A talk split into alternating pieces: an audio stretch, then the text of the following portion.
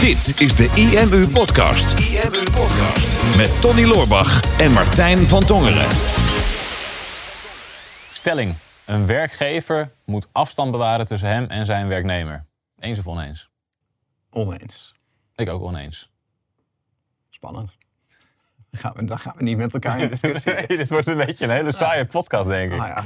Waar- waarom ben je het ermee oneens? Ehm, omdat ik denk dat er te veel geforceerde afstand bewaard wordt in veel oude organisaties tussen een werkgever en een werknemer. Ehm, dat er te veel poppenkast gespeeld wordt van ik ben de baas en jij moet dingen voor mij doen. Ik denk dat mensen die bij ons werken bijvoorbeeld, die werken wel voor ons, maar we werken ook met ze.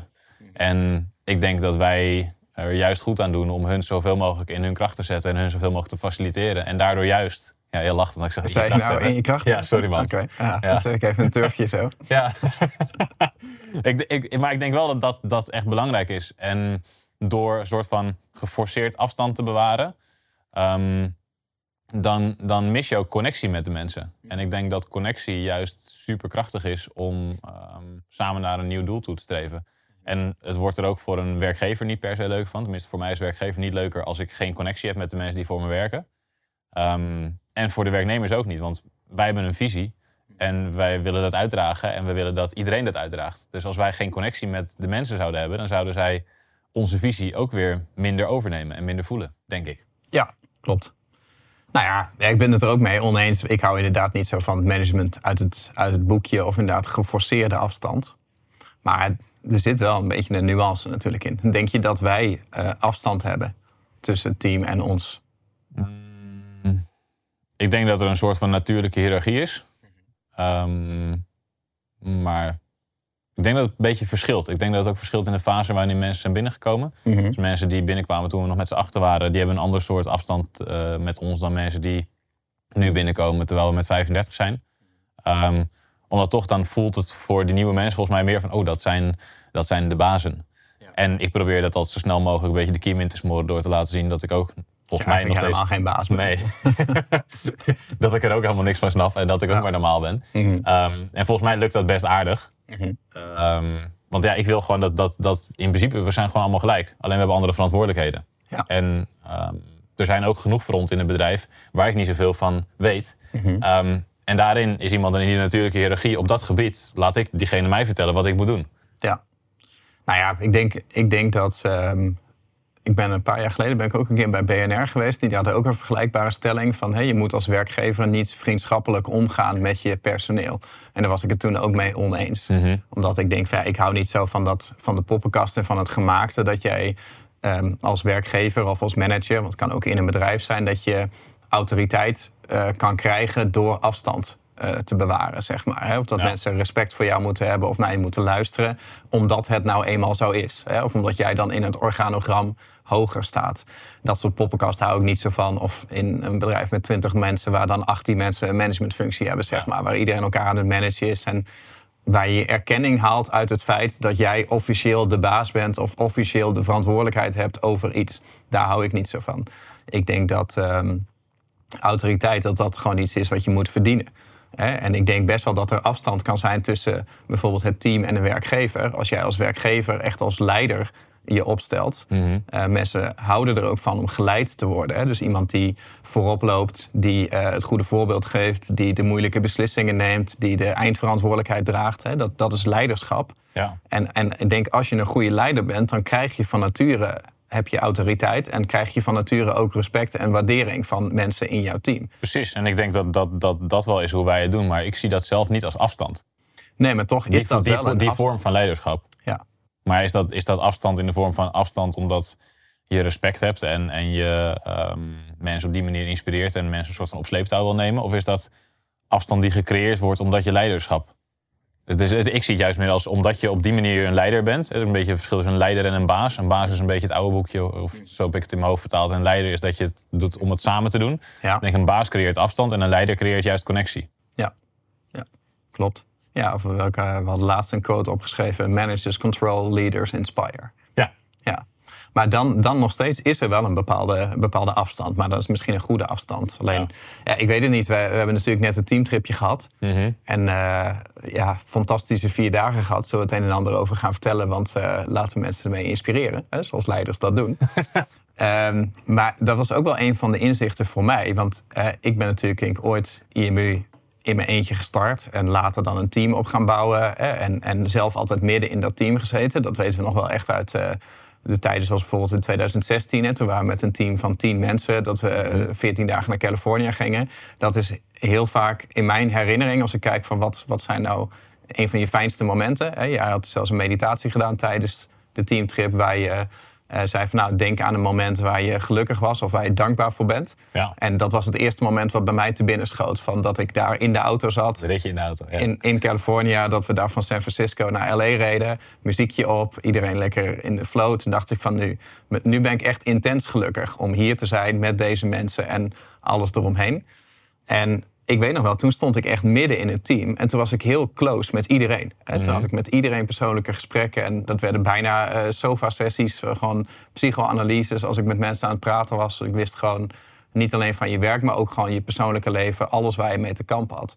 En dat vond ik ergens heel fijn. En ik had niet het idee dat dat toen ten koste ging van mijn autoriteit. Maar ik merkte wel dat ehm, als ik dan bijvoorbeeld een voortgangsgesprek met iemand had en ik moest kritisch zijn, dat dat wel moeilijker was. Ja. Dus ik kon niet heel snel zeggen van ik ben eigenlijk niet zo tevreden over je werk. Want ik wist van, oh ja, maar die slaapt slecht of die heeft eh, uitdagingen in de relatie of eh, opa is net overleden of, of andere dingen. Dus eh, het werd een beetje een zachte heelmeester. Ja. En dan maak je, maak je stinkende wonden. En ik heb een beetje die herinnering.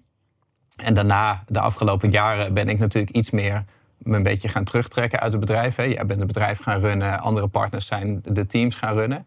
Ik ben meer op de achtergrond gegaan. Ik ben ook minder op kantoor geweest. Vorig jaar was ik er één dag in de week, denk ik. Dus ik ben echt van vijf naar vier, naar drie, naar twee, naar één gegaan. En nu zijn we met zo'n groot team dat ik de meeste mensen hier niet zo heel goed meer ken. Ja. En dan gingen we op die teamtrip. En ik heb dat ook in de groep als een van de inzichten gedeeld. Van ja, ik voel me af en toe echt een beetje te gast in mijn eigen bedrijf. Omdat ik de meeste van jullie gewoon niet, niet zo heel goed ken. Hè. Er zit een bepaalde, een bepaalde afstand. En nu we die teamtrip hebben gehad, ben ik best wel close geworden met heel veel mensen. En ja, dat, dat, dat voelt nu heel, eh, voelt weer heel erg fijn. Ik heb ook niet het idee dat dat ten koste gaat van de autoriteit. Maar ik, maar, ik- maar ik zie ook wel het verschil. Ja. Ik denk dat voorheen als ik hier binnenkwam... sommige mensen waren zelfs wel af en toe een beetje zenuwachtig. En mensen lopen niet zo snel binnen.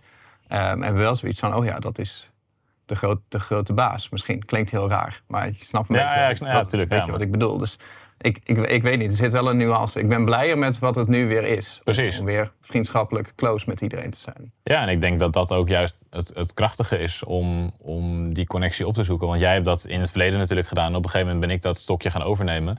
En ik weet ook nog wel, de, de eerste ja, strengere voortgangsgesprekken die ik heb moeten voeren... dat vond ik ook de moeilijkste gesprekken die ik gevoerd heb. Ja. Gewoon het, al, het allermoeilijkste van, van het bedrijf runnen... op deze manier zoals wij het doen, zijn de eh, groeigesprekken met, met negatieve feedback. En op een gegeven moment de keuzes dat je iemand niet gaat verlengen. Ja. Ehm, want ja, je bent persoonlijk ben je close met mensen. Dus ja, je persoonlijk, ja, iedereen die we aannemen en die we in het bedrijf houden, daar zijn we blij mee op persoonlijk vlak. Alleen als het op een gegeven moment dan op, op zakelijk vlak niet goed genoeg meer gaat, dan moet je er op een gegeven moment een punt achter zetten. Ja. Dat is het allerlastigste. Maar dat gaat steeds beter. Ja, ja ik, ik denk, ik, ik zou inderdaad nog steeds gewoon pleiten voor wat wij nu d- doen. Gewoon close, vriendschappelijk, geen hiërarchie, geen gemaakte afstand. Eh, en, en toch is het af en toe is het wel nuttig. Wij hebben zelfs af en toe wel eens gesprekken dat we iets aan iemand moeten melden in het bedrijf. Of, of ergens nadruk op willen leggen. Dat jij bijvoorbeeld soms zegt van ja, maar misschien is het beter dat jij het zegt. Ja, klopt. Want Ja. dan komt het misschien meer binnen. Omdat het je dan net een andere verhouding hebt of er heel close op zit en ik dan wat meer eh, afstand heb. Ja, ja Dus dat is waar. Het is wel maar, een wapen. maar dan is het wel, ehm, dan is het niet per se werkgever-werknemer afstand, maar het is meer persoonlijke afstand of iets dergelijke. Want we zijn allebei de werkgever. Ja, klopt. Dus dan is het meer van wat voor persoonlijke connectie heb je met iemand. Oké, nou dat zit op deze manier, dus dan kan jij dit, beter, dit nieuws beter brengen. Ja. Dus toch een, inderdaad wel een vorm van afstand. Maar niet per se werkgever-werknemer. Ja, dan laten we eens wat inzicht uit het teamtripje Ja, delen. daar zouden we het eigenlijk over hebben. Hè? Ja, het is er gewoon best wel een moeilijke stelling, denk ja, klopt. ik. Ja. Ehm, inzicht uit het teamtripje. Daar heb ik ook veel vragen over gehad. En ik dacht, wat, mijn, wat ik het spannendst vond van tevoren... dat hebben we volgens mij ook wel eerder gedeeld in de podcast... is we zijn best wel snel gegroeid de afgelopen twee jaar. De laatste keer dat wij op tripje waren, waren we met z'n zestiende volgens mij. Iedereen die toen mee was, is er nu nog steeds bij. Wat super vet is natuurlijk. Score. Score. Ehm, maar ja, ondertussen meer dan verdubbeld. Dus ja, je zit met heel veel nieuwe mensen. En we hebben natuurlijk verschillende teams in het bedrijf. Team Phoenix, Huddle, Plug and Pay. En overal zijn een paar mensen bijgekomen. Ehm, dus die zijn wel meegezogen met die mensen en met, met de visie ehm, die die hebben. Maar dat zijn, waren wat meer clubjes onderling geworden. En ons doel was een beetje, ja, gaat het lukken om nog steeds één groep te hebben of, of wordt dat lastig? En ik was, vond dat best wel spannend. Van, gaat het lukken om 32 mensen met dit programma wat wij bedacht hebben, wat onze focus is, nou, persoonlijke groei, zakelijke groei, meer connectie onderling, gaat het lukken om zo'n grote groep hecht met elkaar te krijgen? En dat merkte je eigenlijk op de tweede, derde dag wel al van, dit lukt. Het is Ja. nog steeds gewoon één hechte groep. Het is, iedereen vertrouwt elkaar. En eh, een van de jongens uit het team zei ook tegen mij op de derde dag van ja, hij zegt, ik vind het zo bijzonder, maakt niet uit met wie ik praat of naast wie ik loop. Ik denk ja, als jij een probleem zou hebben, zou ik voor dit vuur gaan. En ja, dat is zo vet dat je met zo'n groep nog steeds hecht kan zijn. Ehm, en dus ook als werkgever en werknemer zo close kan zijn. Ja. ja, misschien is het wel leuk eh, dat we gewoon maar even chronologische volgorde doorlopen wat we hebben gedaan. Dan delen we gewoon uit elk onderdeel gewoon een inzicht. Ja, Voor mensen die ook een teamtripje willen doen of een keer een mastermind of gewoon in hun eentje op vakantie willen gaan en een interessante weekend willen hebben.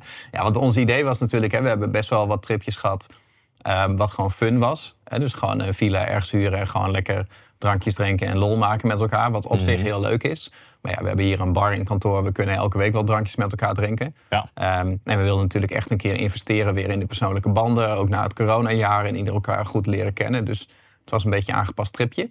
Ja. Dus eh, gezocht naar waar kunnen we terecht. Toen kwamen we uiteindelijk in Frankrijk. In the middle of nowhere in een, eh, in een kasteel. Ja. In eh, Château de Frétois. Ja. Frémont? Nee, nee, Frétois. Frétois. Maar Fremont, daarmee stond hij online. Dus mensen Ah, ja. waren helemaal confuus. Ja, ja maar echt super vet kasteel. eh, onder de hoede van, eh, van onze Geert. Ja, Eh, Geert heeft ons... we zijn ook een keertje of- al van tevoren naartoe geweest. ja. Om al even de omgeving te verkennen. En Geert heeft ons zelfs in de auto rondgereden om wandelroutes te gaan kijken. Dat was echt, echt top. Ja. Ik, dat, dat was al wel de belangrijke eerste stap voordat het tripje überhaupt begon.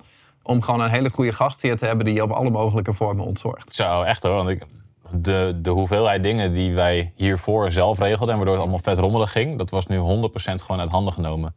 En dat was zo goed geregeld. En dat wij gewoon inderdaad... Ik weet dat wij maakten een programma. Nou, die zullen we straks delen wat we gedaan hebben.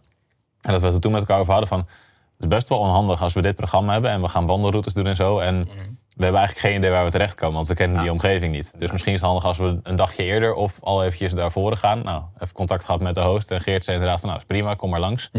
Ehm, dus wij, wij die kant op inderdaad. Hij heeft gewoon uren van zijn tijd geïnvesteerd om ervoor te zorgen met ons dat het programma gewoon soepel zou verlopen. Dus we hebben het draaiboek ook met hem gedeeld en hij zorgde dat op elk moment het eten op de ju- juiste plekken was. Ehm, en inderdaad, die wandelroutes die waren ook wel, eh, wel nuttig om eh, in ieder geval alvast een beetje een idee te hebben waar we terecht gingen komen. Want ja, we moesten wel gewoon die hele groep natuurlijk op sleeptouw nemen. Ja. En we hadden iets van, ja, we gaan een paar dagen weg. Maar we, we willen dat het voelt alsof, het, alsof mensen echt lang met elkaar weg zijn geweest. Dat ze veel met elkaar meemaken. Ehm, ja, zodat je echt, echt iedereen kan spreken en iedereen kan leren kennen. En een, een totale ervaring met, eh, met het IMU-team krijgt. Ja, maar dat, dat is eigenlijk al het eerste onderdeel. Hè? Bij, je, je hebt vast wel eens vakanties gehad dat je eh, na een week dacht van... oh wow, we zijn er al een week en ik heb het idee dat we pas gisteren zijn aangekomen. Dat de tijd voorbij vliegt. En je hebt ook wel vakanties gehad waar je er net twee dagen bent... en dat je denkt van wow, ik heb het idee dat we hier al twee weken zijn. En dat zit hem gewoon in hoeveel verschillende dingen ervaar je op een dag. Hè? Dus hoe vol zit een dag. Als jij drie dagen in dezelfde villa gaat zitten... en je staat eh, rond de klok van 10 uur, 11 uur op... Je gaat rustig ontbijten, koffietje drinken, je ligt bij het zwembad. En dan is de dag alweer voorbij. En je doet dat drie dagen op rij. Dan gaan die herinneringen een beetje samen als één collectieve herinnering. Ja. En dan denk je achteraf van, oh, het vloog voorbij, het was veel te kort. En op het moment dat je van tevoren al een planning maakt... waar er echt dagen van eh 7 uur s ochtends, één dag zelfs 6 uur... of twee dagen zelfs, van 6 uur s ochtends tot... Nou, sommige zijn wel tot twee uur s'nachts doorgegaan. Ehm, met, met heel veel verschillende dingen in heel veel verschillende samenstellingen in heel veel verschillende omgevingen. Waardoor gewoon die trip gewoon al voelde als twee weken. En daar hadden we ook van tevoren nog eh, tegen mensen gezegd van nou het programma is nog geheim. En dan hebben we een beetje wat indianenverhalen gecreëerd. Of dat hebben mensen zelf gedaan. Ja. Waardoor mensen ook al twee, drie weken voor de trip al met z'n allen aan het eh, overleggen waren of aan het eh, fantaseren waren van wat, wat er daar zou gaan gebeuren. En dat, maar dat pakt ook allemaal de herinnering. Je hoeft maar te droppen, je moet kleding meenemen die vies kan worden. Ja. En dan is nou, wat, wat gaan we doen? Ja, precies. Ja, maar dat is wel, als je er al achteraf op terugkijkt... dat hebben wij ook gehad toen we in 2016 naar Joya zijn geweest. Mhm. Daar hoor je mensen nu nog steeds over. En dat was ook maar drie à vier dagen. Klopt. Maar dat, daar zaten ook heel veel van dit soort dingen in. Klopt. Nou, een, een inkijkje in het programma geven dan. Ja. Nou, dag 1 begon op het vliegveld. Daar begon het avontuur wel al. Dat iemand zijn paspoort was vergeten en uiteindelijk last minute met een noodpaspoort toch eh, het vliegtuig gelukkig nog had kunnen halen. Maar ik denk, ja, dat, dat geeft wel al meteen een memorabele start van de reis. Ja. De spanning daarbij. Nou, allemaal met de busje naar, eh, naar het château. Daar stond de lunch op ons te wachten. En dat was ook wel een inzicht van, wow, we zijn echt met een grote groep mensen trouwens. Want we hadden één zo'n super vette lange tafel in dat kasteel. Die- Wij keken elkaar zo aan van, wow, dit is echt een, best wel een flink team Grote familie. grote groep mensen. En we hadden nog steeds geheim gehouden wat we zouden gaan doen. ehm, die dag ook. Gelukkig hadden we Geert. Gelukkig hadden we Geert inderdaad. Die niet wist dat het geheim was. Die niet wist dat mensen dat niet mochten weten. Ja, Martijn. Ja, Geert was een Vlaming. Martijn, ik heb hier straks de waterflesjes voor de paintball. En er stonden heel tien mensen omheen. Ah, gaan paintballen. Vet. Ja. Dat was het eh, grootste stuk teambuilding uiteraard. En daarna hadden we eerst nog één schrijfopdracht. We dachten eventjes ehm, even uitzoomen als je hier binnenkomt. En de rest van de dag was eigenlijk fun. Ehm, om alvast na te denken over de doelen. Waar word je blij van in je leven en wat wil je bereiken in je leven? Over één jaar, over drie jaar, over vijf jaar, over tien jaar. Om daar dus gewoon een uurtje bij stil te staan. Ja. Dus na de lunch, iedereen had een schrijfboekje van ons gekregen. ehm, moesten ze daarmee aan de slag gaan. En daarna zouden we dan gaan paintballen. En wat grappig was, vond ik, is dat, dat mensen het best wel lastig vonden om die doelen op te schrijven. Ze, waren, ze zaten erin en sommigen hadden al heel snel een paar pagina's vol. En sommigen liepen echt vast bij het tweede bullet point van, nou, ik weet het eigenlijk niet zo goed. Ja. Denk, ja, je komt natuurlijk zo uit de waan van de dag, krijg je nu deze opdracht. En waren al, waren al van plan om later in het tripje nog een keer die opdracht te doen. Mhm. Nou, ik denk wel, wel interessant om te zien dat ehm, ja, sommige mensen daar gewoon nog nooit over nagedacht hebben. En dat is ook de reden dat we die opdracht erin hadden gezet. Want ik weet dat ik dat zeven jaar geleden bij David Destiny, had ik daar ook nog nooit over nagedacht. En als ik nu terugkijk op het lijstje wat ik toen heb opgeschreven, is ongeveer de helft 100% behaald. De helft 100% behaald. En de andere helft niet eens mee begonnen. Ja. Dus dat is best wel grappig. Van, ja, dat, dat heeft zeker, zeker impact gehad om zo'n lijstje te maken. Nou ja, en ook wel- wel spannend, omdat gewoon een heel groot gedeelte van de groep natuurlijk überhaupt nog nooit iets met dit soort persoonlijke ontwikkeling heeft gedaan. Dat was ook de uitdaging vooraf. Van ja, we moeten iedereen meekrijgen. Mhm. Ehm, en het zou mooi zijn als mensen er diep in gaan. Maar ehm, dat moet niet een vereiste zijn. Want sommige mensen zullen hier niks mee hebben. Het moet niet te zweverig worden. En Ja. Ik had het bij deze opdracht wel verwacht. hè. Als je gewoon net uit het vliegtuig komt en je vraagt van schrijf je doelen op, dan, dan, dan komt er niks. En dat was ook de inzicht wat we wilden laten landen. Ja. Dat als jij gewoon wakker wordt gemaakt van hé, hey, wa- wat wil je eigenlijk met je leven? Dat 9 op de 10 mensen daar gewoon echt geen antwoord op heeft. En, en dat hoeft ook niet. Weet je, als jij hartstikke content bent met nu alles en je hebt zoiets van nou, ik ga eigenlijk wel lekker en ik heb helemaal niet een doel voor ogen. Prima. Ik denk dat een heel groot gedeelte van je leven echt prima is. Ja. Maar toch is het wel apart als je gaat zitten en je bent in de 20, ei- eh, eh, midden 20, 30, wat de meeste van ons zijn. En je gaat echt schrijven van wat wil jij bereiken in je leven. Dat je gewoon echt niks weet. En dat bij sommige mensen het echt gewoon een half uur duurde. En er stond er nog steeds niks op papier. Klopt. En dat was ook het inzicht dat we wilden laten landen. Van als we dat in het begin doen en we doen dat op het einde nog een keer. En je kijkt naar wat je hebt opgeschreven en wat je later op zou schrijven. Dat je in een paar dagen wel echt qua mindset heel erg kan veranderen. Ja, en dat, was, dat is ook het doel voor ons geweest van het hele tripje. Om te zorgen dat, dat mensen ja, meer dichter bij zichzelf zouden komen en dichter bij elkaar zouden komen. Ja. Ik denk, als je dat in één zin samenvat, dat dat wel de, de essentie moest zijn. Maar hadden ook iets van, dag één moet wel nog een beetje als vakantie voelen. Dus we hadden alleen dat als schrijfopdracht. En daarna hadden we eh, het paintballen dus gepland. Nou, dat was ook nog een avontuur op zich. Maar we moeten ook zorgen dat de podcast geen drie uur gaat duren. Ja, maar ja, oké, we zijn gaan paintballen met elkaar. Ehm, en dat was super lachen. En daarna eh, was er een pizzatruck die, eh, die continu pizza's kwam aanleveren. en dat was het truc. diner. Ja, dat was een hele goede truc. en toen hebben we ook gewoon heel lang getafeld met elkaar. En wij hadden van tevoren al gezegd... jongens, morgen gaan we om zeven uur vroeg op. Of zeven uur gaan we sporten. Dus zorg dat je om vijf voor zeven dat je dan klaar staat beneden. Dus ik ging ervan uit, nou, als je weet dat je om vijf voor zeven moet gaan sporten... dan ga je het niet laat maken. Maar ja, we hebben ook een aantal eh, mensen in het team die dachten... Nou, we zijn op vakantie, laten we wat gaan drinken. Hier en daar een bubbeltje drinken. We kregen goede wijn geschonken daar. Dus er was een eh, feestje gaande in een van de woonkamers... waar, eh, waar lekker gedronken en gezongen werd. Nou, dan toch nog even bij aangesloten. Het was half twaalf, dacht ik, ja, ik moet morgen die training geven. Ja, ik, ga, ik ga nu echt naar bed toe. Dus ik loop zo naar boven in dat kasteel. Mijn kamer precies boven die woonkamer. Dus nou, dat duurde tot het feestje voorbij was. En toen was het de dag erna sporten geslagen. Ja. En ehm, nou, een paar mensen uit hun bed moeten lichten. Maar uiteindelijk met bijna de hele groep wel, eh, wel kunnen sporten. En vervolgens was het idee wat wij vooraf hadden... van we gaan op de, ehm, op de vrijdag gaan we een persoonlijke groeidag doen. En, en zaterdag en, en terugblik op je leven. En zaterdag meer uh, zakelijke groei en vooruitblik op je leven. En vrijdag zou ik het ochtendgedeelte doen. En zaterdag zou jij het ochtendgedeelte doen. Dus Ja. eh, op de vrijdag was een sportsessie van mij. En ik had die meditatie inderdaad gepland. En jij zou dan op zaterdag zou je dan de ademhalingssessie doen met ook een meditatie. En ik zat ineens, s'avonds liep ik rond samen met Kim. Want zij, had ook de, zij heeft de sportsessie ook bedacht. Uit ons team. En we liepen rond, nou, waar gaan we dit doen? En toen dacht ik, oh, het is echt heel koud. En het vriest buiten. Dat gras dat gaat morgenochtend nat zijn. Dus we moeten een goede plek vinden. En ik dacht, ja, als, als wij hier morgenochtend een half uur gaan sporten... en we gaan dan meteen mediteren... dan zit iedereen te kou kleumen. Dus nou, toen last minute even het programma omgegooid. Sporten, ontbijten en toen die meditatie doen. Dat vond ik best wel spannend. Want ja, wat weet ik ervan? En ehm, ik heb het dus zelf die meditatie wel vaak gedaan. Het is die priming meditatie van Tony Robbins. Ehm, die kunnen we vast wel ergens een linkje naar zetten. Ehm, en die heb ik zelf toen eh, ja, gesproken en, en met de hele groep gedaan. En ik had nog nooit zoiets gedaan, voor, helemaal voor ons eigen team. Best wel een uitdaging om dan voor 30 mensen zoiets, wat misschien als zweverig ervaren kan worden, ehm, te doen.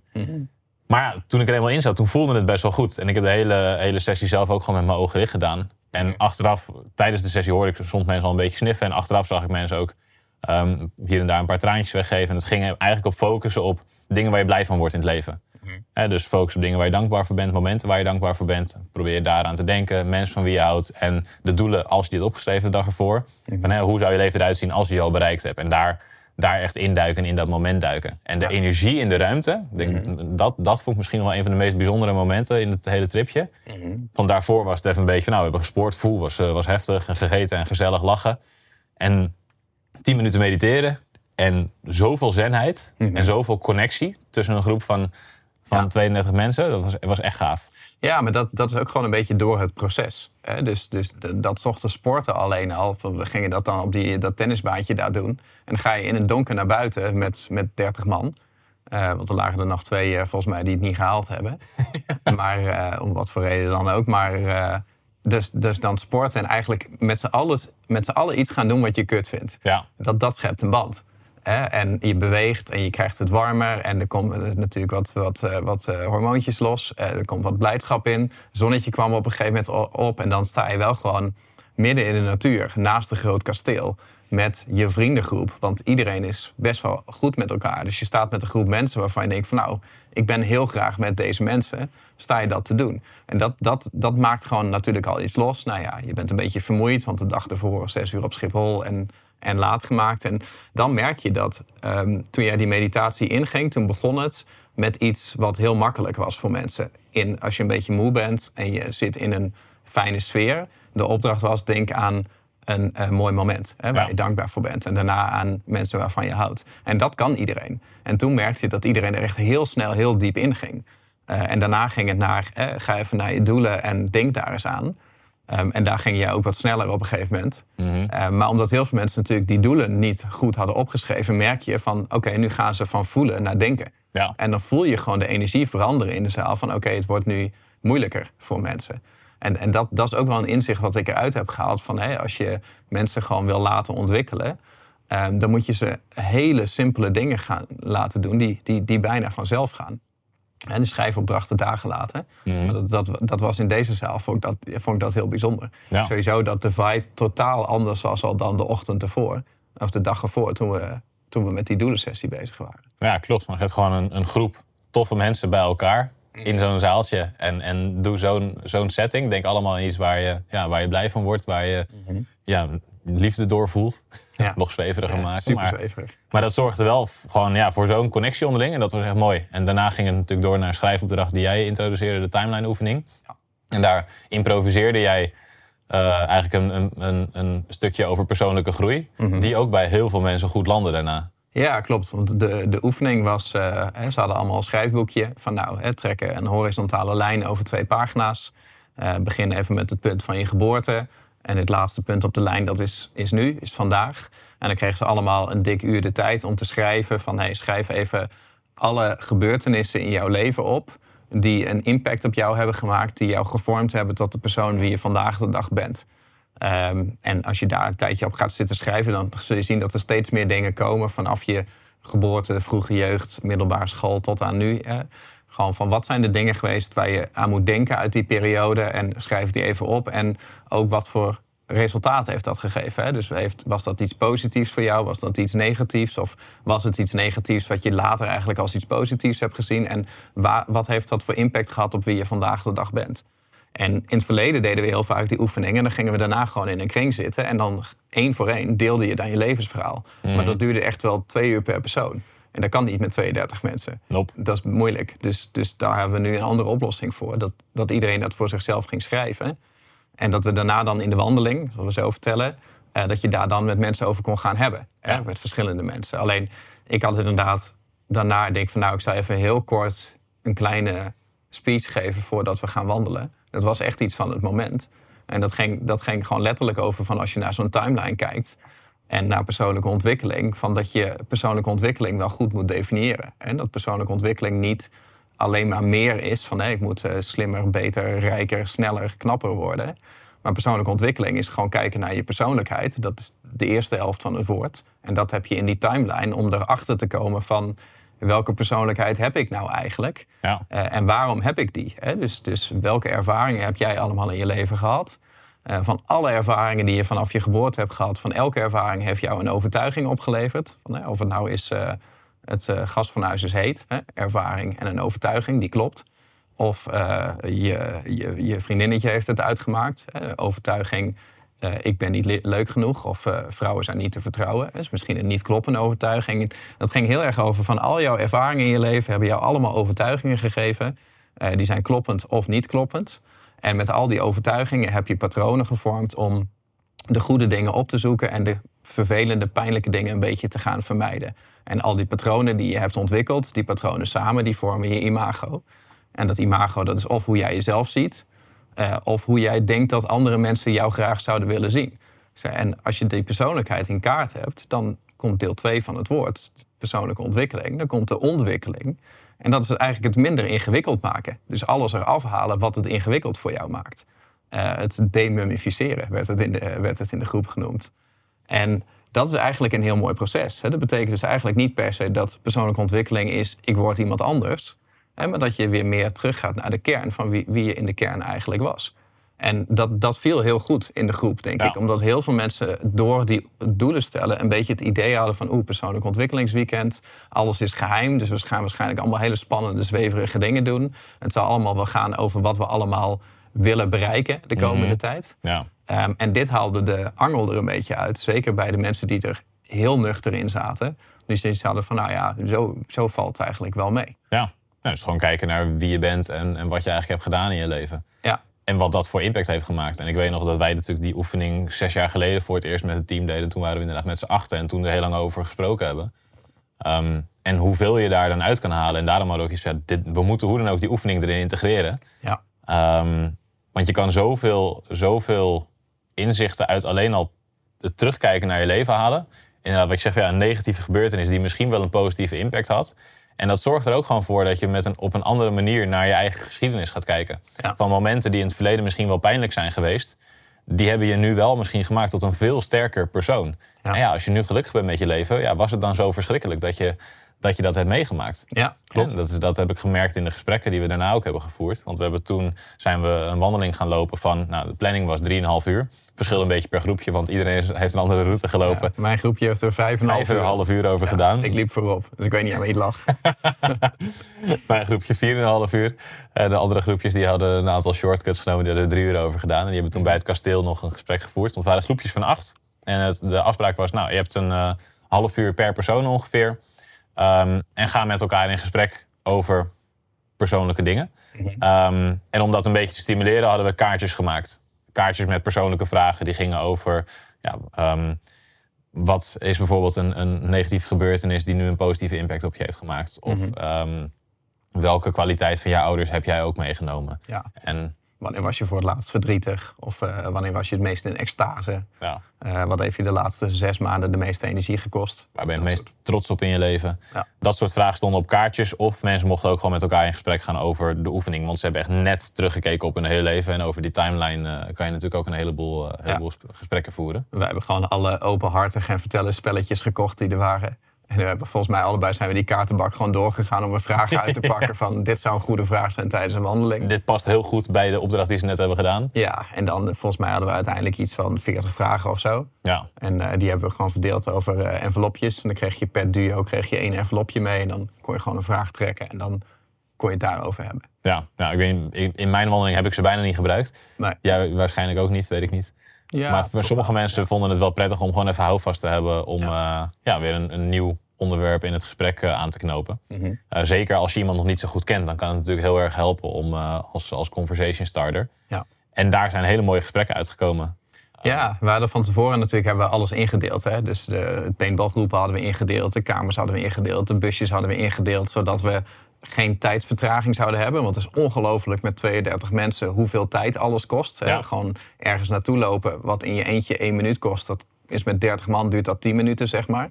Eh, dus we hadden alles gepland, maar ook om de hele tijd te kijken van hoe kunnen we zorgen dat je met iedereen wel een keer in een één op één belandt of een keer in een groepje zit hè, of een kamer deelt. Dus dat je verspreid over het weekend dat je niet kan vastklampen aan één persoon, maar dat je per ongeluk iedereen leert kennen. Ja, En daarom hadden we van tevoren natuurlijk die groepen al gemaakt. eh, Vier groepen van acht. Eh, en dan hadden we een wandeling van drieënhalf uur. Eh, en dan wilden we het zo doen dat, dat eh, wij liepen dan voorop. Hè, of per groep hadden we één groepsleider. En eh, een half uur stop je. Dan verzamel je, kies je een andere gesprekspartner. En dan ga je weer een half uur lopen. Dus je loopt zeven keer een half uur. En zeven keer met een andere gesprekspartner. Ja Eh, en hadden we de groepen zo ingedeeld dat jij in een groep zat met met name mensen die jij nog niet zo goed kent. klopt. Dus je, je vaste buddies, waar je al heel close mee bent, die zaten allemaal in een andere groep. Ja, dus waarvan, ook mensen waarvan wij dachten die zouden elkaar beter moeten leren kennen, Ja. die hadden we bij elkaar ingedeeld. Eh, paintballen waren gewoon de, de teams bij elkaar eh, verzameld. Ehm, en dat, dat zorgt wel voor een bijzondere dynamiek ook. Want ja, juist dat soort persoonlijke gesprekken voeren met mensen die je niet goed kent. Mhm. Achteraf word ik over, ja, ik, oh, ik wil die gesprekken eigenlijk ook nog wel met een paar mensen voeren die ik wel regelmatig spreek. Ja. En dat, dat is een mooi iets als je dat los weet te maken. Ja. Ehm, dat mensen wel heel, zich wel veilig en comfortabel genoeg voelden om die gesprekken te voeren. En iets wat wij natuurlijk ook wel van tevoren bedachten. Ja, niet iedereen wil misschien alles van zijn tijdlijn delen. Of niet iedereen wil misschien het achterste van zijn tong laten zien. Dus die keuze ligt bij de mensen zelf. Dus je gaat die tijdlijnoefening doen. Je krijgt die opdrachtenkaars mee. Maar ja, jij kan zelf kiezen wat voor verhaal je wel of niet gaat vertellen Ja. aan de mensen. En wat mij opviel was dat mensen echt heel openhartig zijn geweest. Ja, maar het is ook wel, kijk, mensen die iets op hun leven hebben, die iets willen vertellen, die vertellen dat toch wel ongeacht welke vragen ze krijgen. Hè? Als jij iets hebt wat jou dwars zit of, of wat, wat, waar je kwetsbaar wil zijn, dan maakt het jou niet zoveel uit als ik vraag van wanneer was je voor het laatst verdrietig of wat heeft de grootste impact op jou gemaakt. Eh, eh, wat heeft je de meeste energie gekost? Eh, wat was er een keerpunt in je leven? Maakt niet uit. Het zijn heel veel vragen, die geven allemaal hetzelfde antwoord. Ja, En je weet dat als mensen iets willen vertellen, dan gaan ze het toch wel vertellen ergens in die wandeling, misschien aan een aantal mensen, misschien in een andere context. Maar dat gaan ze alleen maar doen als ze van tevoren al het inzicht hebben gehad wat ze graag zouden willen delen. Ja. Daarom was die schrijfopdracht zo ook wel belangrijk. Omdat je dan gewoon echt met je kop zit in de belangrijkste dingen die in jouw leven jou gemaakt hebben tot wie jij bent. Ja. ja, en ik denk van, hè, nog, nog voor die, state of mind bij die schrijfopdracht ook. Want ik denk als wij naast spor- sporten meteen die timeline waren gaan doen, dat het dan weer een stuk moeilijker was geweest. Ja. Dus dat was misschien ook nog wel een inzicht van de, de, de focus en de state of mind waar je in zit als je een bepaalde actie gaat ondernemen. Ehm, dat dat zo'n impact maakt in het resultaat ervan. Gewoon je begint de dag zen, doet die schrijfoefeningen, gaat dan al die gesprekken in. Ja, dat is magisch wat, wat daar onderling, eh, onderling gewoon gebeurde. Nou, sowieso grappig dat gewoon in de recap eh Mhm. vroegen we natuurlijk om inzichten. Maar de, de, meest gehoorde klacht, zeg maar, Mhm. van mensen van ja, dan moest elke keer, dan zat ik echt net diep in een gesprek en dan was het super interessant. En dan moest ik na een half uur van gesprekspartner wisselen.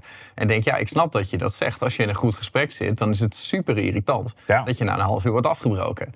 Maar kijk er eens objectief naar. Hoe groot is de kans dat jij zeven keer op rij met zeven mensen die je eigenlijk helemaal niet zo goed kent, met z'n allemaal zo'n diep gesprek hebt dat je na een half uur niet wil ophouden met praten. Hoe, hoe vaak gebeurt je dat nou in je leven? Dat jij iemand leert kennen die je nog niet zo goed kent, en dat je na een half uur echt baalt dat het gesprek voorbij is. De meeste gesprekken die mensen voeren zijn een paar minuten. En dan vind je wel een excuus om naar het toilet te gaan of weer aan het werk te gaan. Of je gaat even koffie halen of je betrekt er iemand anders bij. Maar als je koetjes-kalfjes gesprekken voert, dan is dat na een paar minuten vaak wel, wel afgelopen. Ja, klopt. Ja, en dat was ook wel het mooie inzicht ik moet dit soort gesprekken eigenlijk ook wel wat vaker met mijn vrienden en familie gaan voeren misschien, zeiden Ja. mensen ook. Klopt. Ja. En ja, ik, heb nu dingen verteld die, die eigenlijk mijn, mijn beste vrienden nog niet weten. Mhm. En ik denk, ja, dat is natuurlijk eigenlijk wat we altijd wel in die immuuncultuur gehad hebben in het verleden ook. En ik vind het mooi om dat te zien dat dat nu weer een stukje is, is teruggekomen ook. Ja. Ik denk wat, wat eh, mij nog, want daarna hebben we inderdaad een recap gedaan. Nou, wat heb je meegenomen hieruit? En ik denk een van de meest voorkomende dingen wel gewoon van, maakt niet uit wie, maar iedereen heeft wel een aantal nare dingen meegemaakt. Of een aantal vervelende ervaringen in zijn leven gehad. En die hebben best wel een grote impact gemaakt. En die hebben iemand gevormd tot wie hij of zij is geworden. En wel tot in een positieve. En dat hebben we best wel veel gesprekken over gevoerd. Dat iemand, ja, ja, dit was lastig en dit vond ik vervelend. En dan, als je dan kijkt, ja, maar wat heeft dat dan voor impact nu op je leven? En als je kijkt wat toen lastig was en de keuze die je toen hebt gemaakt, dat zorgt er nu voor dat je best wel gelukkig bent, toch? Ja. Maar ja, dat klopt. En dat geldt, gold voor zoveel mensen. En ik denk, ja, ik denk dat dat wel een bijzonder inzicht is voor veel mensen die dit ook luisteren of kijken. Van ja, denk daar maar eens aan terug. En wat je misschien als een pijnlijke ervaring ziet, heeft nu al misschien gezorgd voor hele mooie dingen. Ja, ja. Dus dat, dat was dag twee, denk ik, hè? We Ja, dat was dag twee. uitgebreid in het samenvatten. Ja, dat gaat goed. maken hem ook gewoon 20 helemaal minuten per aflevering, maar wij dachten Ja, volgens mij net al dat in gaat, gaat er niet worden. Ehm, dat was dag twee inderdaad. Toen zijn we, hebben we een recapje gedaan, toen zijn we gaan eten. En omdat het zo laat was geworden, ehm, want er was een groepje die een beetje uit was gelopen. Ja, ja, dat was zelf Ja. ook hartstikke laat. Ja. Ja. maar die route die we hadden uitgestippeld, heel veel wegen bestonden gewoon Nee, niet. die bestond. We En hebben dat door de bossen gebanjeerd. Dat is ook dan delen we maar de hele ervaring. Want als je nu nog zit te luisteren naar deze podcast, dan vind je het gewoon interessant hoe zo'n teamtrip gaat. En dan wil je waarschijnlijk alles weten. En als je niet interessant vindt, dan ben je al lang afgehaakt. Dus je niet meer te luisteren. maar eh, ik had dat ook wel van. Ik liep in mijn groepje, deed ik natuurlijk de route. Mhm. En eh, we zijn twee of drie keer verkeerd gelopen, omdat gewoon die weg gewoon feitelijk niet bestond. Ja. En ik merk dan dat ik mezelf dat echt heel erg aantrek. En dus ik ga dan echt in mijn kop zitten van denk, oké, nou geef ik nog wel het goede voorbeeld. Ben ik dan wel echt een leider eh, hierin? Denk, nou, wat zullen die andere gasten, die lopen waarschijnlijk wel goed. Denk, ja, Martijn, eh, Dennis, Jelle, die zijn waarschijnlijk al lang terug. En we moeten ook niet anderhalf uur later komen of zo. Dus gaan we dan straks de route afsnijden? Of, en dan zit ik gewoon bijna te denken van, ik heb dit programma heb ik zo bepaald met jou van, nou, dit, dit willen we doen. En ik zou dan nog bijna besluiten om er gewoon een shortcut te nemen. Om dan niet te laat te zijn. Terwijl dat ten koste zou gaan van de ervaring. Hè? Dan Ja. zou je bijvoorbeeld een, eh, een gesprek missen. Mhm.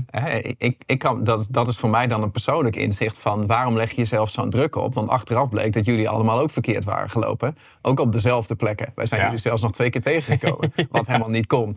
Want we liepen achter elkaar aan. Klopt. Dus denk ja, dat is ook wel interessant. Ik heb dan niet het besef om te denken van... misschien heeft iedereen hier wel dezelfde uitdaging. Nee, ja, grappig is dat inderdaad. En het is ook grappig hoe ieder groepje zich erin gedroeg natuurlijk. Mhm. Want eh, het groepje van Jelle liep voorop. Daarachter liep het groepje van Dennis. En die liepen over een stenen weg. En ik zag op een gegeven moment op de route van... oh, we moeten hier rechts. En ik denk zo, ah, dit is helemaal geen pad. Maar goed, het zal wel. Dus wij lopen. En op een gegeven moment konden we helemaal niet meer door. Want er stond een groot hek omheen. Dus ik belde Jelle. Ik zeg, hoe zijn jullie gelopen? Ja, we zijn nergens afgeslagen. We zijn gewoon de weg over. Ik zeg, Oké, dat is apart. Nou, dan lopen we terug. Er is iemand uit mijn groepje. Oh, maar hier is een paadje wat wel echt op een bospaadje lijkt. Nou, toen zijn we vanaf daar off-road gegaan. En toen zijn we hun allemaal kwijtgeraakt. En toen Ja. zijn we jullie ineens in de middle of nowhere weer tegengekomen. Ja, klopt, ja. Dus ja, mooi, mooi proces wel op zich. Ehm, bij ons wisselde het heel erg eigenlijk wie voorop liep. Omdat er een aantal mensen waren die gewend waren om door de bossen te banjeren. Ik zei, nou, ik vind het allemaal prima als we maar ergens uitkomen. Ja, het mooiste moment is, wij waren jullie tegengekomen. En Mhm. toen zijn jullie even gestopt. Toen zijn wij voor jullie uitgelopen. Dus wij liepen als groep vlak voor jullie. Ja, Toen op een gegeven moment liepen wij verkeerd. Toen zijn we teruggelopen. Toen op een gegeven moment dachten we van nou, we waren niet verkeerd. Er is hier gewoon geen afslag. Toen zijn we weer omgedraaid. Toen zijn we dus weer goed gaan lopen. En toen kwamen we jullie tegen. Terwijl dat, kon, dat, dat kan, helemaal dat kan niet. helemaal niet. Nee. nee. Nee, toen waren we echt wel goed verdwaald, ja. Ja. Het was een interessante wandeling in ieder geval. En, en, en ook best wel fysiek een aanslag. Ik kreeg een vraag van iemand. Ja, is iedereen bij jullie zo sportief? Kan iedereen wel vijf uur lopen? Ik denk, nou, in principe wel. eh, is iedereen best wel sportief bij ons. En, en vijf uur lopen was alsnog wel voor veel mensen een aanslag. Want iedereen was echt wel goed gebroken. Als je, dan, als je loopt, dan gaat het wel. Maar toen we dan terug waren bij het kasteel, was het echt, oh, mijn voeten doen pijn en mijn spieren. En je zag mensen echt strompelen en zo. S'morgens natuurlijk ook een training gehad, Ja. die ook best wel intensief was. Dus dat was, eh, was al een flinke aanslag. En ons waren ook een beetje het doel hè, van tevoren. want We willen dat mensen wel een beetje vermoeid zijn. Want als mensen een beetje vermoeid zijn, dan kom je dichter bij je echte emoties. Kom je dichter bij de waarheid. En dan zit persoonlijke groei ehm, ja, dichter bij de oppervlakte. Dus dat was een beetje het doel. We hadden zelfs nog als idee van... nou, laten we dan de volgende dag gaan we mensen om vier uur uit hun bed halen. Want dan, hè, dan gaan we ze extra opschudden. Uiteindelijk besloten om het niet te doen. Bleek ook niet nodig. Nee. Ehm, maar goed, bij elkaar gekomen daar eh, op verschillende tijdstippen. s s'avonds gegeten. En toen s'avonds volgens mij hadden we ook een vrije avond. We waren eerst nog van plan om s'avonds een pubquiz te doen met elkaar. Maar die hebben we toen van het programma gehaald. Omdat iedereen gewoon echt gesloopt was en toe was aan ontspanning samen. Mhm. Ja. Ehm, en nog wat leuke gesprekken. En ook toen, van tevoren aangegeven, jongens, morgen, hè, vanochtend waren een aantal mensen te laat. En ik morgens nog een preek gegeven bij, op het, bij het sporten. Want er waren vijf mensen die waren er om tien over zeven in plaats van vijf voor zeven. Nou, met z'n allen op gewacht. Gezegd, nou, weet je, je moet je wel realiseren. Deze andere 27 mensen hebben op jullie moeten wachten. Dus nou, dan moeten jullie allemaal voor straf uh, burpees doen. Dat is zo'n zo'n legertrucje volgens mij ook. Dat zie je wel vaker. Ja. Oké, een paar mensen te laat. Iedereen, de hele groep heeft er last van. Dus morgen moet je echt zorgen dat je er echt om zes uur bent. Want morgen gaan we om zes uur beginnen. Toen dacht ik, nou, dan gaan ze vanavond gaan ze echt geen feestje doen. Dat hebben ze gisteravond ook al gedaan. Maar was wederom een feestje. Mhm. En jij deed het programma van de ochtend eraan. Ik, nou, dan, dan feest ik wel lekker mee. Ja. Want ik dacht ook, van, ja, ik kan wel in mijn bed gaan liggen. Maar ja, dat is echt recht boven die kamer. Dus nou, dan maar meegenieten. Maar dat duurde alsnog tot half één of zo voordat iedereen echt naar bed toe ging. Ja. Ik nou, dat wordt een kort nachtje wederom. Ja, ik was wel wat eerder gegaan. Want ik moest inderdaad eh, zes uur eh, die Wim Hof ademhaling eh, geven. En ik dacht van tevoren van, nou, we hebben dat wel eens gedaan met het team. Bevalt altijd heel goed. Maar ja, ik heb dat toen van Wim geleerd in Polen. In 2014. Dat is wel een tijd geleden. Ja. En ik weet wel hoe ik die ademhaling doe. Maar dat je zelf weet hoe je zo'n ademhaling doet. En dat je weet wat je moet voelen. Betekent niet dat je het kan uitleggen aan andere mensen. Eh, en ik dacht van, ik kan wel de techniek uitleggen. En dan hopen dat mensen het voelen. En dat ze zelf denken van, oh ja, was leuk. Eh, of ik voelde iets. Maar je moet eigenlijk ook wel weten van waarom zou je het doen. Dus, dus ik dacht wel van, het moet een beetje een eh, sessie. En daar zat ik echt heel erg mee in mijn hoofd. Van, dan moet ik dat morgenochtend gaan vertellen. En, en wij zaten zo in dat programma... dat ik mezelf ook niet echt tijd had gegund om dat echt voor te bereiden. Ehm, dus dat wilde ik dan tussendoor nog gaan doen. Nou, dat is niet, niet een heel goed idee. Kan je Nee. beter allemaal van tevoren doen. Maar ik stond gewoon op een gegeven moment om vijf uur naast mijn bed. Toen heb ik nog even kort een beetje voorbereid. En toen kwam echt, ja, om zes uur was wel iedereen binnen. Tenminste, ik heb niemand meer uit zijn bed moeten halen. Nee. Ehm, en toen heb ik een eh, halve uitleg gegeven. En ik dacht echt van nou, volgens mij snappen mensen hier helemaal niks van. Je ziet allemaal slaperige hoofden je aankijken van gast, waar heb je het over? Eh, maar bleek achteraf dat heel veel mensen daar heel veel uit hebben gehaald. Eh, en echt wel zoiets hadden van nou, ik vind het echt fijn om te weten hoe dat dan allemaal werkt en waarom je dat doet. En het is echt heel veel helder geworden. Ik denk, oh, ik, was, ik ben van vaak kritisch op mezelf. Mhm. Uh, maar ik denk, het blijft toch wel een inzicht dat als er maar één iemand in die hele groep zit die het waardevol vindt, dan is het al de moeite waard om het te gaan vertellen. Ja. Hè, zelfs als je denkt van ja, wie ben ik nou? Wat weet ik er nou van? Weet je, ik heb het ook maar van iemand anders geleerd. Ja, en de rest van de groep weet niet wat jij allemaal misschien wel niet wilde vertellen. Want ik weet dat jij zei van ja, op de helft toen ben ik maar gestopt, want ik, had, ik wist het even niet. Ik wist niet of het wel raakte. Maar ja, de rest van de groep dacht van oké, dan was dit kennelijk het verhaal. En daar hebben ze al heel veel uitgehaald. Ja, klopt. Dus dat, dat verhaal gedaan. En toen natuurlijk de ademhaling, power breathen, adem, eh, breath retention hebben we gedaan. Adem inhouden. We hebben nog even onze pijnappelklier wat, eh, wat liefde gegeven.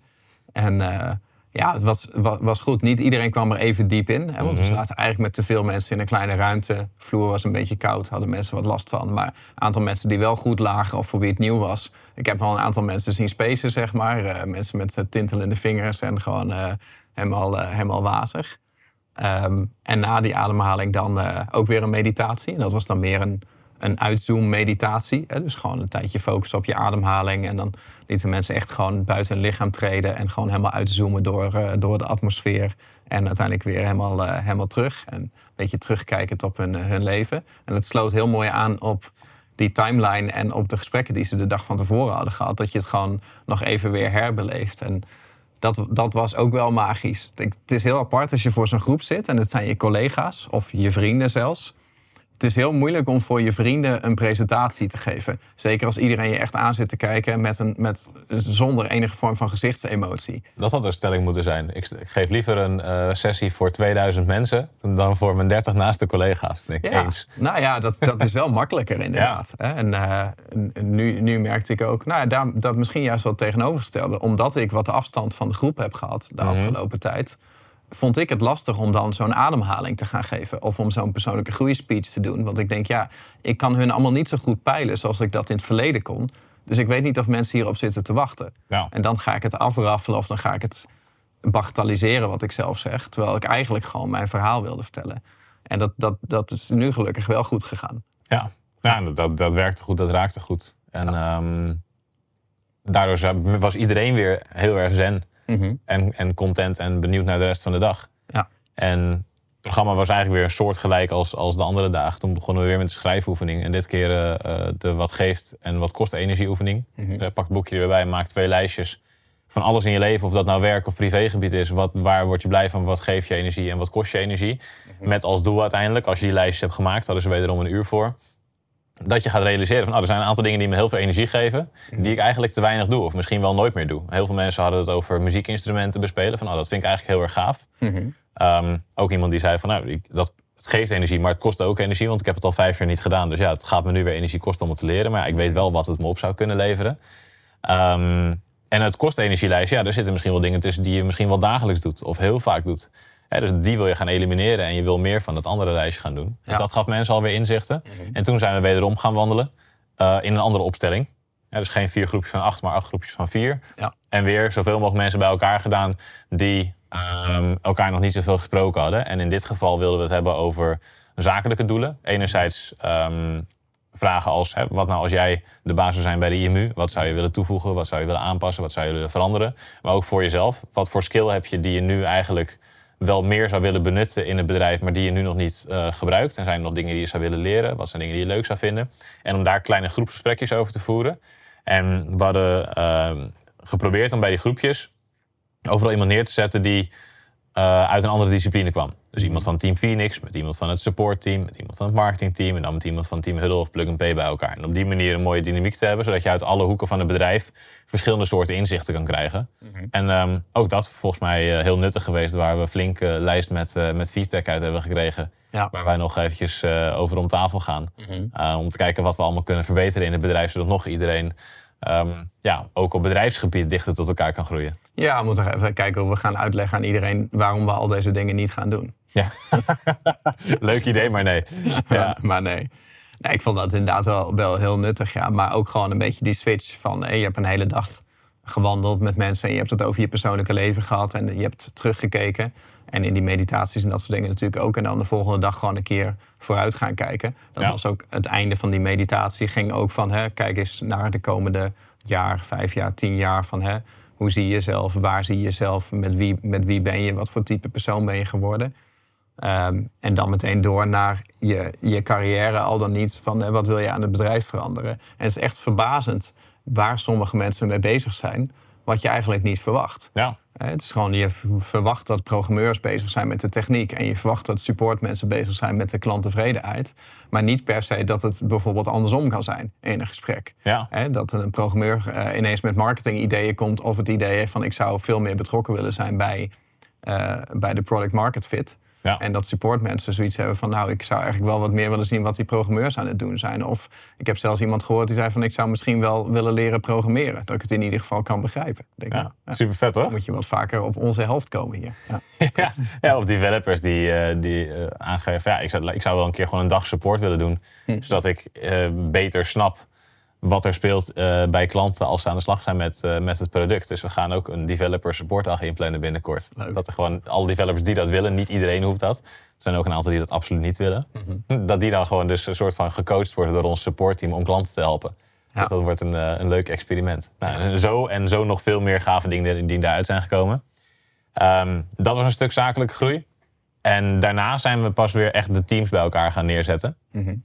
Um, dus paintball was met de teams en daarna is eigenlijk de persoonlijke groei en, en de andere wandelingen waren allemaal gemixt met elkaar. En daarna zijn we de teams wederom bij elkaar gaan neerzetten om echt op het, op het werk meer te gaan duiken. Van oké, okay, um, wat voor cijfer geef je ons team? Um, zijn er dingen die wij als team beter zouden moeten doen? Wat is volgens jou de missie die wij samen als team hebben? Mm -hmm. zijn er dingen die uh, ons team anders zou moeten doen? Uh, wat zijn de dingen die we op dit moment het allerbeste doen? En vervolgens ook op de persoon. En daar is best wel veel tijd in gaan zitten bij een aantal teams. Van hoe, um, wat zijn dingen die iemand heel erg goed doet? Moest je voor iedereen opschrijven. Mm Want we zetten dus de teams bij elkaar. En vervolgens moet je eerst die vragen voor jezelf gaan beantwoorden. Mhm. En daarna ging je het met elkaar bespreken. Um, geef iedereen in deze groep twee punten van feedback. En geef iedereen twee complimenten. Mhm.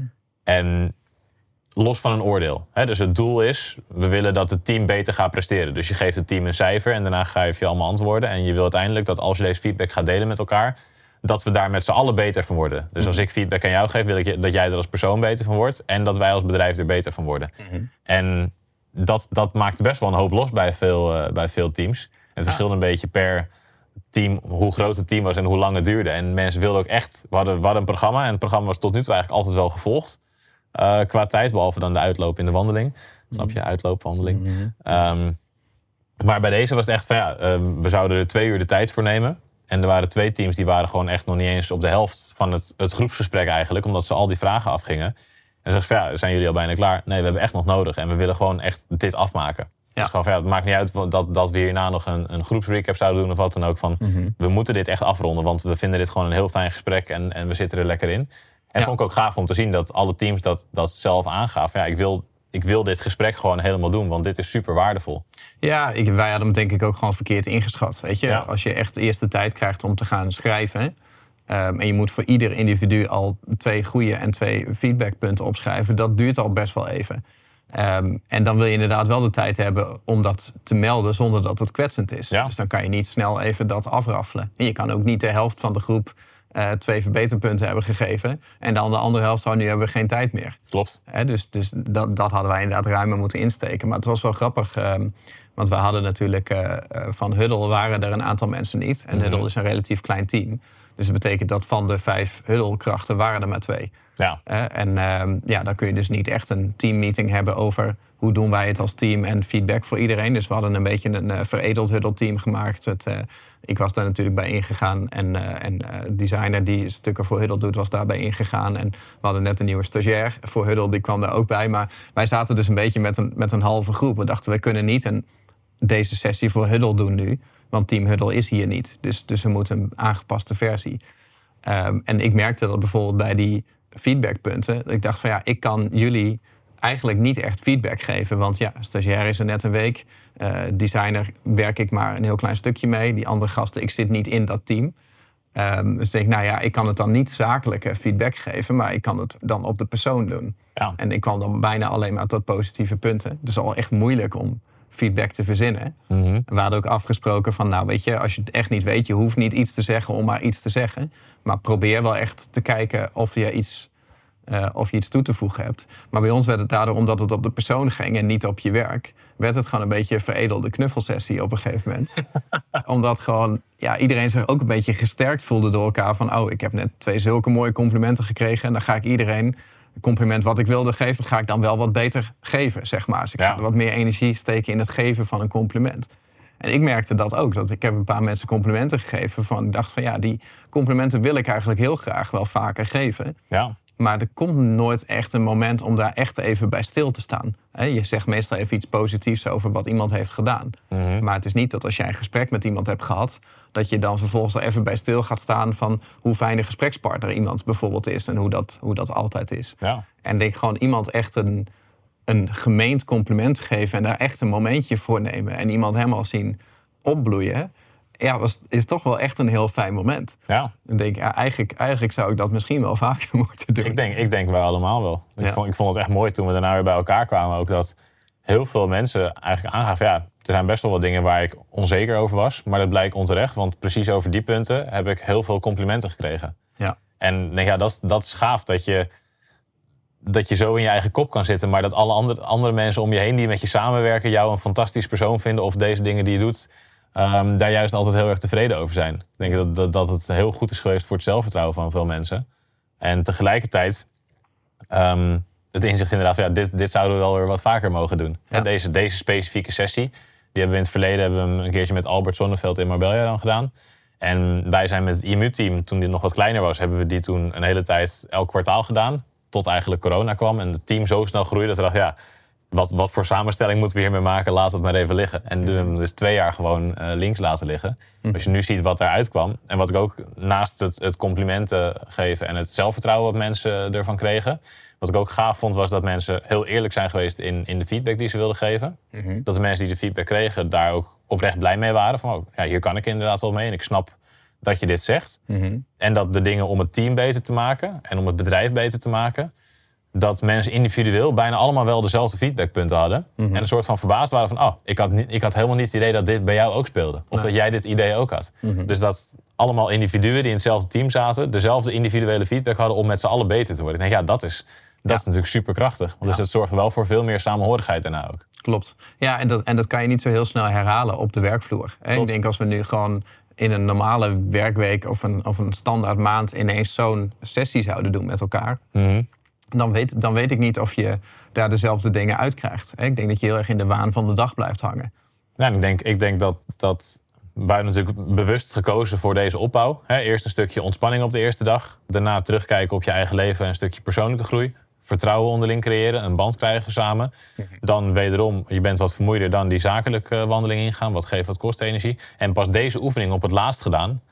Omdat je dan veel dichter tot elkaar bent gekomen. Meer vertrouwen hebt. Dichter bij je kern zit. En dus ook, ook echt open staat voor feedback. En betere complimenten kan geven. Ik denk dat heel veel mensen hebben daarna gezegd... ja, ik vond dit echt de meest waardevolle sessie. Maar ik denk, ja, als we hem als eerste hadden gedaan... denk ik niet dat mensen hem zo hadden Nee. ervaren.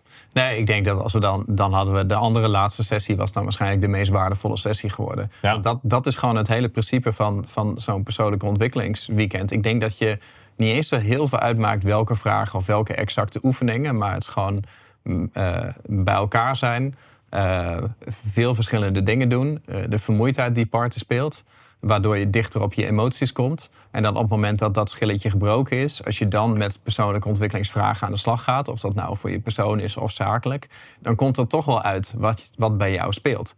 Hè? Omdat je gewoon, je hebt ook niet meer de tegenwoordigheid van geest om echt heel diep na te gaan denken over, is dit het juiste antwoord? Bijvoorbeeld. Hè? Je, je brengt gewoon naar voren wat gewoon top of mind eh, zit. Ook Ja. een beetje door de vermoeidheid. En dat zijn vaak de meest rake dingen. Klopt.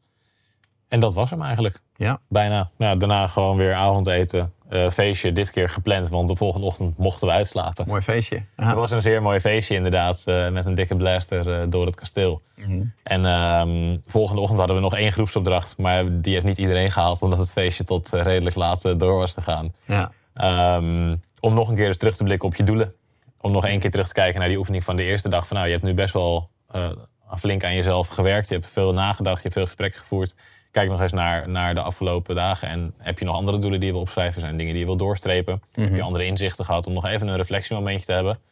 Voordat je eh, met z'n allen in de busjes met eh, 170 over de snelweg terugvliegt naar het eh, ja. vliegtuig. Klopt, ja. ja. Alleen eh, mensen waren misschien een klein beetje brak. Mensen waren een klein beetje brak. Dus ik denk dat dat niet het, het, het, het summum daaruit is gehaald. Maar Nee, het is ook wel, kijk, het is ook een beetje de twijfel hè, achteraf van... ehm, moet je dat feestcomponent erin hebben met, met drankjes? Omdat je toch wel weet van, ja, oké, ehm, dat feest dat, dat creëert ook iets. En stel nou dat alle persoonlijke groeidingen tegenvielen... of mensen vinden het niet zo leuk... dan hadden ze de trip alsnog heel leuk gevonden vanwege de feestjes. Dus het is ook een beetje speel op safe. ja, Alleen aan de andere kant is het ook natuurlijk wel weer van ja, je hebt een aantal hele mooie inzichten gehad. Je zit een beetje op een roze wolk met elkaar. Vervolgens ga je keihard door het geluid in het laatste feest. Je gaat brak naar huis. En de laatste herinnering die je ervan hebt is van oeh, ik ben echt heel brak. En mensen waren echt ook compleet gesloopt. Ja. wij, ook. En we hebben er echt een hele week van afgelegen. Klopt. En dat was op zich niet, niet erg. Maar deze keer misschien niet om de juiste redenen. Klopt. Hè? En ik denk van dat, dat is misschien nog wel het kanttekening of puntje achteraf. Dat je denkt van ja, het, het had een hele grote impact. Maar weet niet zeker of iedereen zich dat er nu van herinnert. Omdat we afgesloten zijn met, met brakheid. Ja, ik, ik denk dat dat wel meevalt. Volgens mij, als ik als mensen nu over spreek, bijna niemand heeft het over het feest op de laatste dag. Nee, nee, maar het meer, met, en- meer voor ons. Hè? Qua, Ja, wat heb je voor doel? Van. Hadden we dat misschien, misschien moet je dat eens een keer splitsen en kijken van wat gebeurt er als je dat zonder dat feestelement gaat doen. Ja, ja. ja ik, ik, ik weet het niet. Ik denk dat mensen nog steeds wel toe waren aan een stukje ontlading. Mhm. Maar ik dacht wel van die eerste twee dagen feesten, dat had misschien niet gehoeven. Mhm. Zorgt wel weer voor extra vermoeidheid, waardoor wij geen gek, extra gekke dingen hoefden te doen. Ja. Maar ik denk, ja, misschien dat we beter hadden kunnen zorgen dat er de eerste twee dagen geen drank was geweest en alleen de laatste, de laatste avond bijvoorbeeld. Mhm. Ehm, zodat, er, zodat je in ieder geval die andere dagen nog misschien nog net iets intenser had kunnen beleven. Ja. Eh, maar ja, dat is iets waar wij, eh, waar wij over moeten, Ja, moeten nee, maar dat nadenken. is gewoon, gewoon een, een gedachte. Ik ben Ja. heel blij dat we het zo hebben gedaan. Ik vond Mhm. het feestje ook magisch. Ja, Maar dat is meer van hè, als je de afweging maakt van wat voor soort ervaring wil je neerzetten. En Ja. dus we hebben natuurlijk superveel gedeeld in deze podcast. Ik vraag me af of mensen dit hele verhaal luisteren. Maar goed, Als je hem hebt afgeluisterd tot nu toe en je vindt het vet, eh, laat even een reactie achter trouwens onder deze video. Ja. En als je luistert en je hebt niet de video, dan ga je gewoon natuurlijk even naar YouTube en dan doe je dat. ja, of laat dan een review achter. Maar eh, het, het kan wel zijn, kijk, als je hiermee bezig wilt en je wilt zo'n teamtrip organiseren of een, een trip met ondernemers, dan is het wel nuttig om, denk ik, alles te Zeker. weten en ook de beweegredenen waarom. En dat was voor ons denk ik ook wel de afweging van hè, wat voor soort ervaring wil je neerzetten. Mhm. Eh, en je kan niet alles in één ervaring stoppen. Hè. Dat is, je kan ook niet eh, een vakantie hebben dat je denkt van ja, ik wil eh, naar het strand en ik wil, naar, naar, ik wil gaan skiën tegelijkertijd. Dat is heel moeilijk bijvoorbeeld. Hè. Soms moet je kiezen van wat wil ik? Wil ik Ja. actief of ontspannen? Ja, klopt. Wij, wij hebben nu natuurlijk gewoon onze hele trucendoos eigenlijk opengemaakt. Om te zorgen van, oké, we willen deze groep even een soort van, van spoedcursus... of, of ja, op een hele snelle manier toch zoveel mogelijk bij elkaar brengen... en dichter bij zichzelf brengen. Omdat eh, we zo, zo twee van zulke rare jaren hebben gehad. En daarom eigenlijk iets te intens van maken misschien. Maar dat geeft ook alweer de show eraan. Ja. Ik denk dat als wij volgende keer een, eh, weer een tripje doen... dat we dan ehm, het iets meer in balans zouden brengen. Of inderdaad een keuze maken van of we gaan er een relax vakantie van maken... met een paar leuke uitjes. Of we gaan weer eh full, eh, eh, op de persoonlijke ontwikkeling. En dat kan weer op een hele andere manier natuurlijk. Ja, nou, het volgende tripje staat natuurlijk al in, eh, in juni. Was Ja. ook een van de grote, misschien de laatste bonus tip. Hè, van hoe groter de groep wordt, hoe moeilijker het wordt om iets te plannen met elkaar. Dus nu hebben we gewoon gezegd van we hebben gewoon één datum per jaar. En die staat gewoon nu voor de komende jaren al vast. Dat Ja. is het zoveelste weekend in juni volgens mij. Derde weekend in juni. Vierde. Ja, en, eh, volgend jaar was het dus al moeilijk, want toen lukte het al niet. Dus toen hebben we nog verschoven. Maar daarna wordt het volgens mij het tweede weekend in juni standaard. Ja, maar dat wordt een stuk makkelijker. Ik denk dat wij dat met onze familie bijvoorbeeld ook gaan doen. Van, ja, je, je wilt toch wel ieder jaar eigenlijk iets gaan doen met elkaar rondom dezelfde periode. En ieder jaar ben je weer met elkaar agenda's aan het vergelijken en ben je weer te laat en dan komt het er weer niet van. Maar als jij gewoon standaard al op 1 januari al in je agenda hebt staan van ja, het tweede weekend van juni, dan is de teamtrip. En je weet dat voor de komende jaren, dan hoef je daar nooit een probleem van te maken. Mooi inzicht om mee af te sluiten, denk ik. Ja, precies. Ja, er wordt hier gezongen voor iemands verjaardag, dus ik ruik taart. Dus we gaan, eh gaan let's go. Let's go.